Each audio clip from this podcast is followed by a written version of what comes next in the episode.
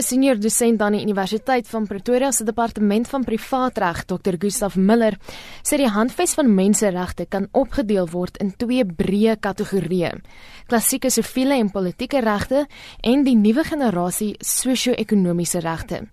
Jou reg om te stem of 'n politieke party te vorm, val in die eerste kategorie. Benewens daardie regte het ons jou gelykheid, menswaardigheid, privaatheid reg tot toegang tot inligting en jou reg tot administratiewe geregtigheid. Hy sê kwessies rondom sosio-ekonomiese regte kom gereeld voor in die nuus. Toegang tot geskikte behuising, toegang tot gesondheidsorg, voldoende water, arbeidsverhoudinge, die omgewing en natuurlik basiese sekondêre en tersiêre onderrig.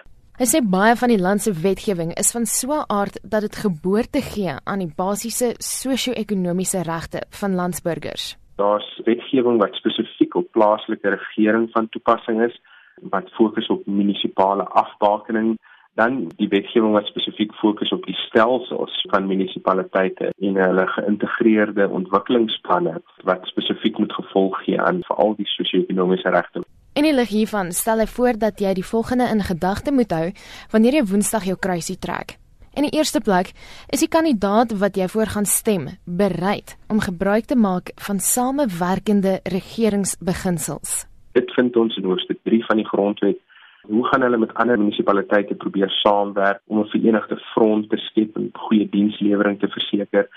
Uh, hoe werk hulle saam met die provinsie waarin hulle geleë is om befondsing te kry vir al hierdie verpligtinge wat hulle opgelê word deur die grondwet en wetgewing, maar ook hoe hulle interaksie is met ander instellings. Die kantoor van die openbare beskermer is is 'n instansie wat in hoofstuk 9 van die grondwet geskep word, instansies wat ons demokrasie ondersteun, maar ook hoe munisipaliteite saamwerk met Eskom om hulle munisipale elektrisiteitsverbruiksrekeninge te betaal. Volgens Miller moet jy ook kyk of jou plaaslike regering gekenmerk word deur toerekeningsvatbaarheid en deursigtigheid. Wat maak ons raadslede met die geld wat ons aan belastinggeld vir hulle gee elke maand en hoe deel hulle daai fondse toe tot hierdie projekte om behuising te voorsien en gesondheid en vervoernetwerke en so aan?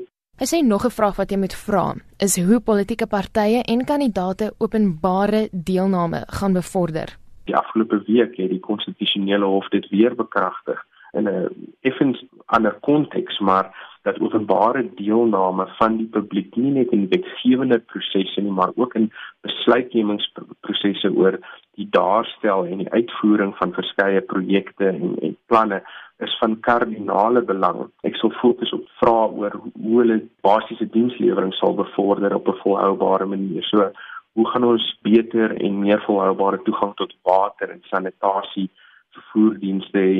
Miller sê veral behuising in Suid-Afrika is 'n baie groot probleem en dis iets waaroor jy moet dink as jy jou kruisie trek. Van mense wat regtig swak verblyfsekerheidsregte het tot behuising wat baie ver geleë is van hulle plekke van indiensneming en dat hulle so groot deel van hulle basiese salarisse of lone moet spandeer om net by die werk uit te kom dat dit regtig nie vir hulle volhoubaar is nie. En dan miskien 'n laaste punt is hoe die kandidaate vir die munisipale rade en by uitbreiding hoe die politieke partye wat hulle verteenwoordig vir ons sal help om ekonomiese ontwikkeling en, en groei in die gemeenskap te bevorder. Hy moedig die jeug aan om te besef hoe belangrik hulle stem is en dat hulle nie die hoofstroom blindelings moet volg nie. Die vaartheid en en trots moet neem in die feit dat hulle kan stem, dat hulle mag stem vir wie ook al hulle wil en dat dit hulle reg is om baie keer baie moeilike vrae van ons van ons leiers te vra en en hoë verwagtinge te hê sodat ons op die einde van die dag die beste Suid-Afrika kan skep. Uh, die Suid-Afrika wat aan ons drome voldoen. Dit was 'n senior dosent aan die Universiteit van Pretoria se departement van privaatreg, Dr. Gustaf Miller. Ek is Marlene Forsiefer, SAK nuus.